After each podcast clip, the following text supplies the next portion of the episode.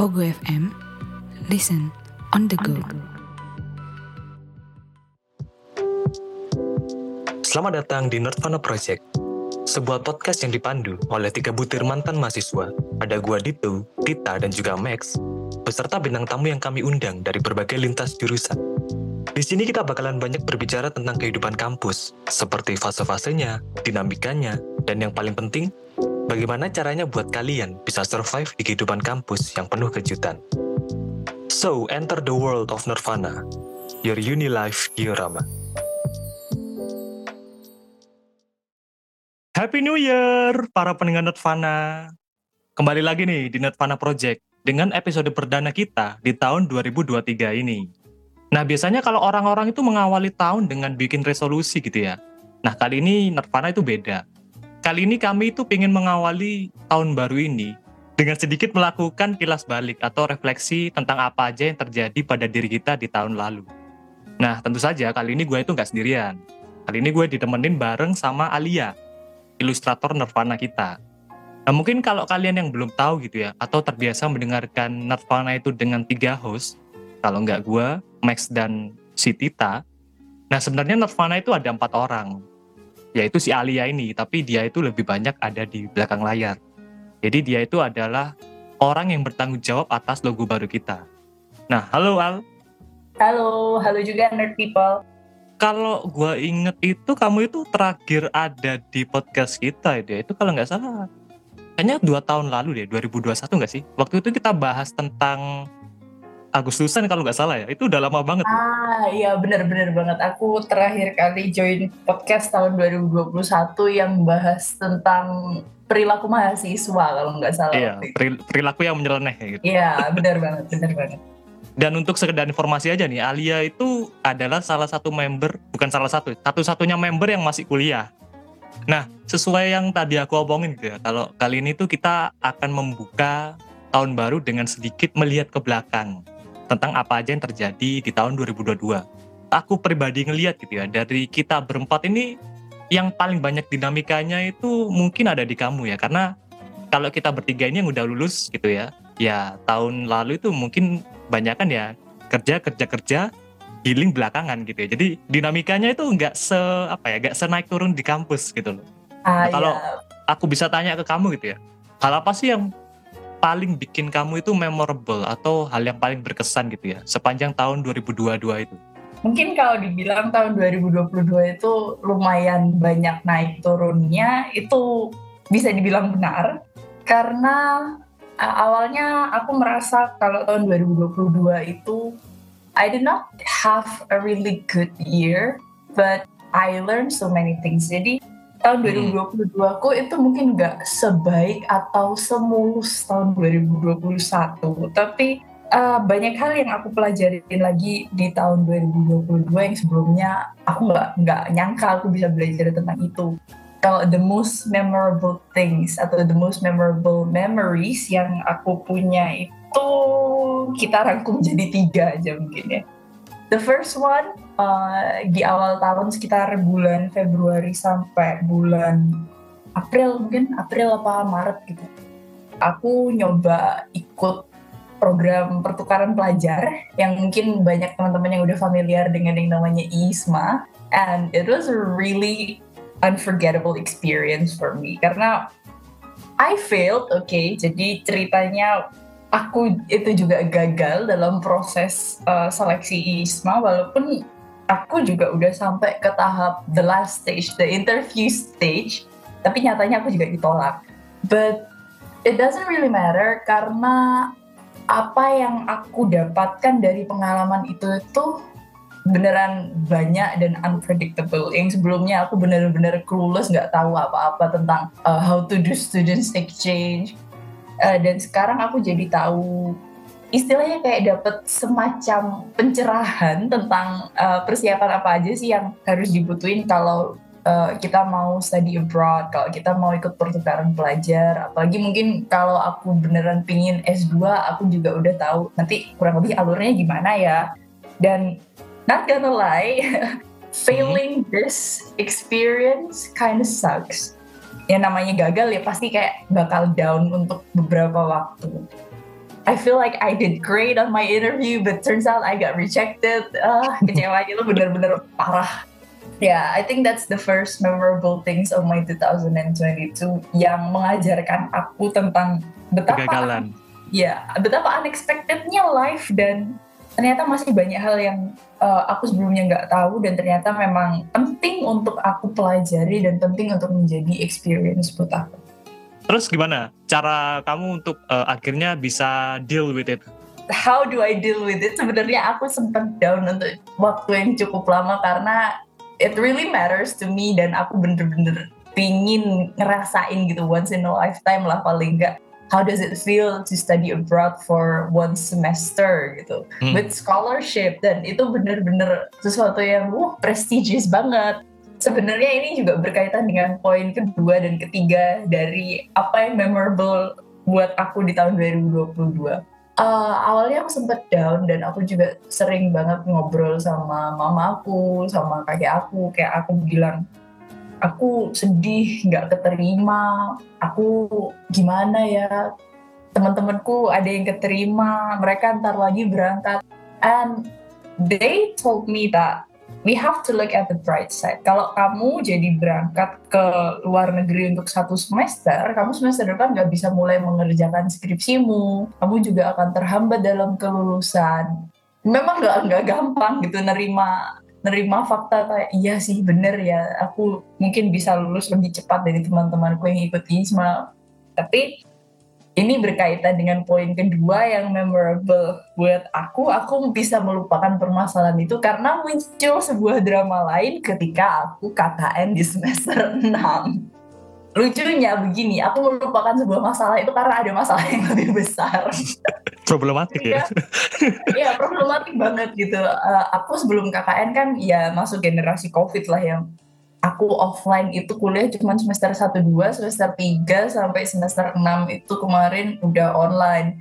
Mostly udah kurang banget interaksi sama orang, hobi juga berdiam diri di kamar gitu.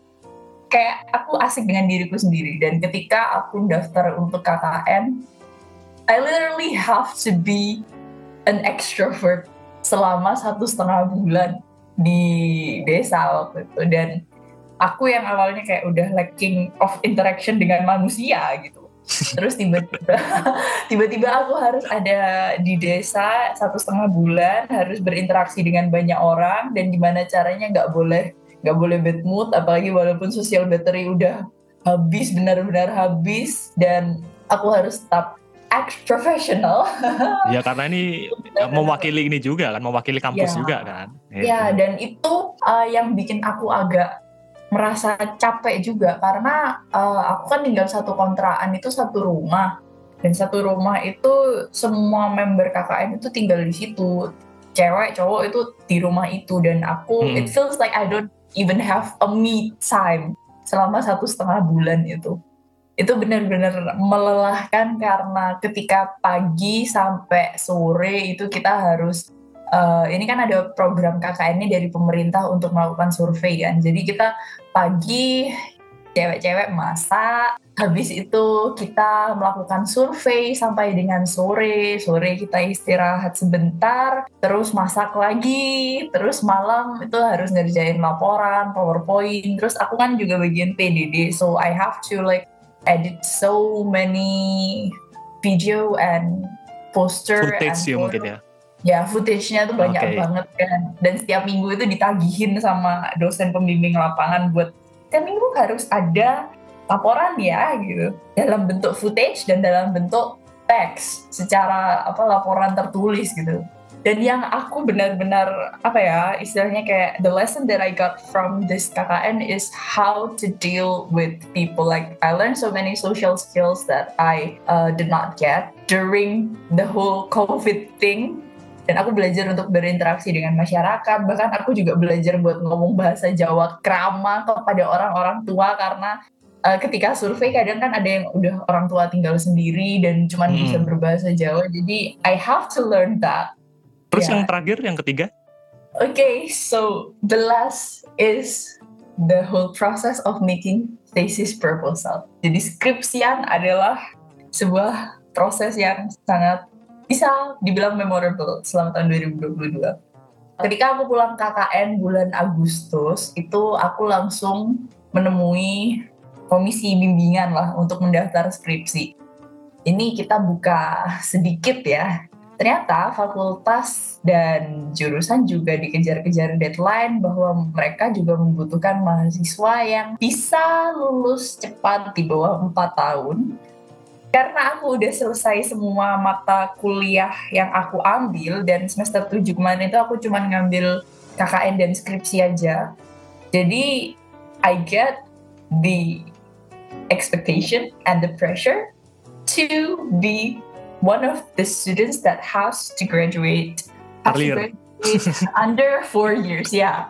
Jadi aku Yeah. dapat juga sebuah kepercayaan yang sedikit membebani harus lulus di bawah 4 tahun drained drained banget mentally physically kayak emotionally itu bener-bener capek karena ketika teman-temanmu masih iya deh pelan-pelan ngerjain skripsi bab 1, 2, 3 aku berapa ya? Mungkin aku sekitar dua bulan kemudian. Ya aku ngerjain skripsi mulai bulan Agustus dan bulan Oktober kemarin aku bulan Oktober 2022 itu aku udah sempro.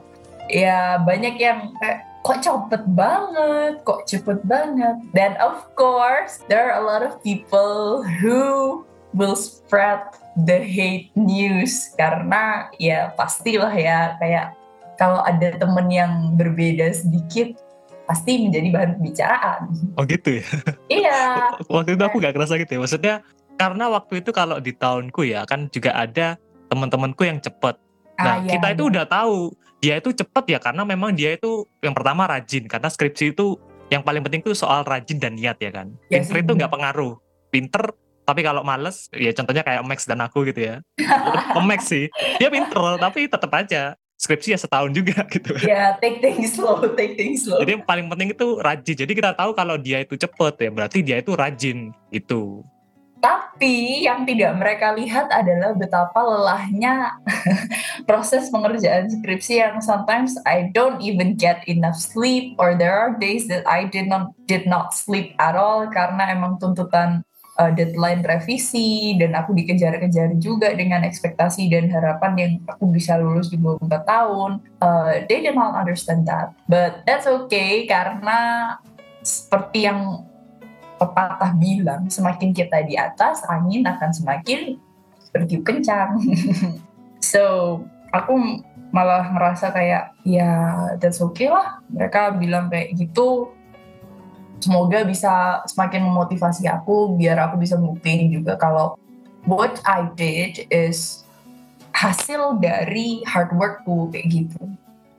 Tapi emang in the year of 2022, it was a really roller coaster ride for me. Tapi I get so many time to talk and to reflect with myself. Kayak aku berusaha buat memahami diriku lebih lagi karena memang mungkin karena aku sempat nggak punya me time ketika KKN, tapi di waktu-waktu lain aku juga sering berpikir tentang hari ini aku belajar hal baru, hari ini aku belajar hal baru. Ternyata banyak hal yang sebelumnya aku belum tahu ya ternyata seperti ini ya dan I can say that it is a difficult year for me karena bener-bener naik turun naik turun terlalu dinamis Oke. Jadi terakhir nih, harapan kamu buat tahun 2023 selain sidang cepet itu apa lagi?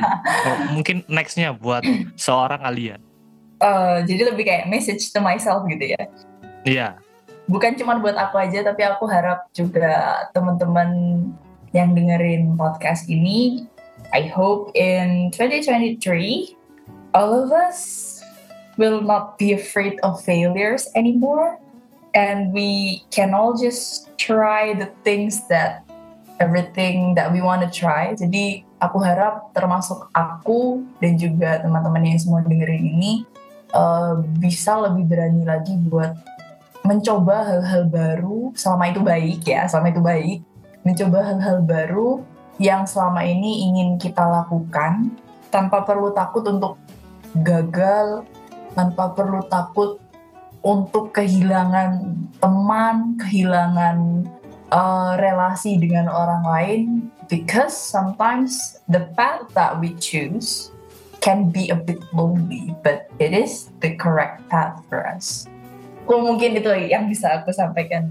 My wish for 2023.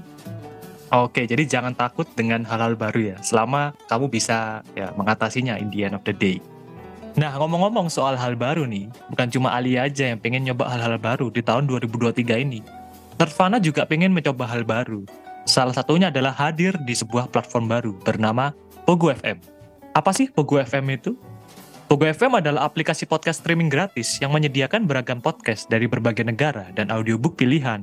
Cocok nih buat kalian untuk dengarkan di mana aja, kapan aja, dan yang paling penting, gampang banget bisa kalian temukan di Play Store ataupun di iPhone Store. Pogo FM, listen on the go. Akhir kata dari kami berdua mengucapkan selamat tahun baru dan juga selamat malam untuk kalian semua yang mendengarkan episode ini. Nantikan obrolan kita di episode kita berikutnya. Bye! Pogo FM, listen on the go.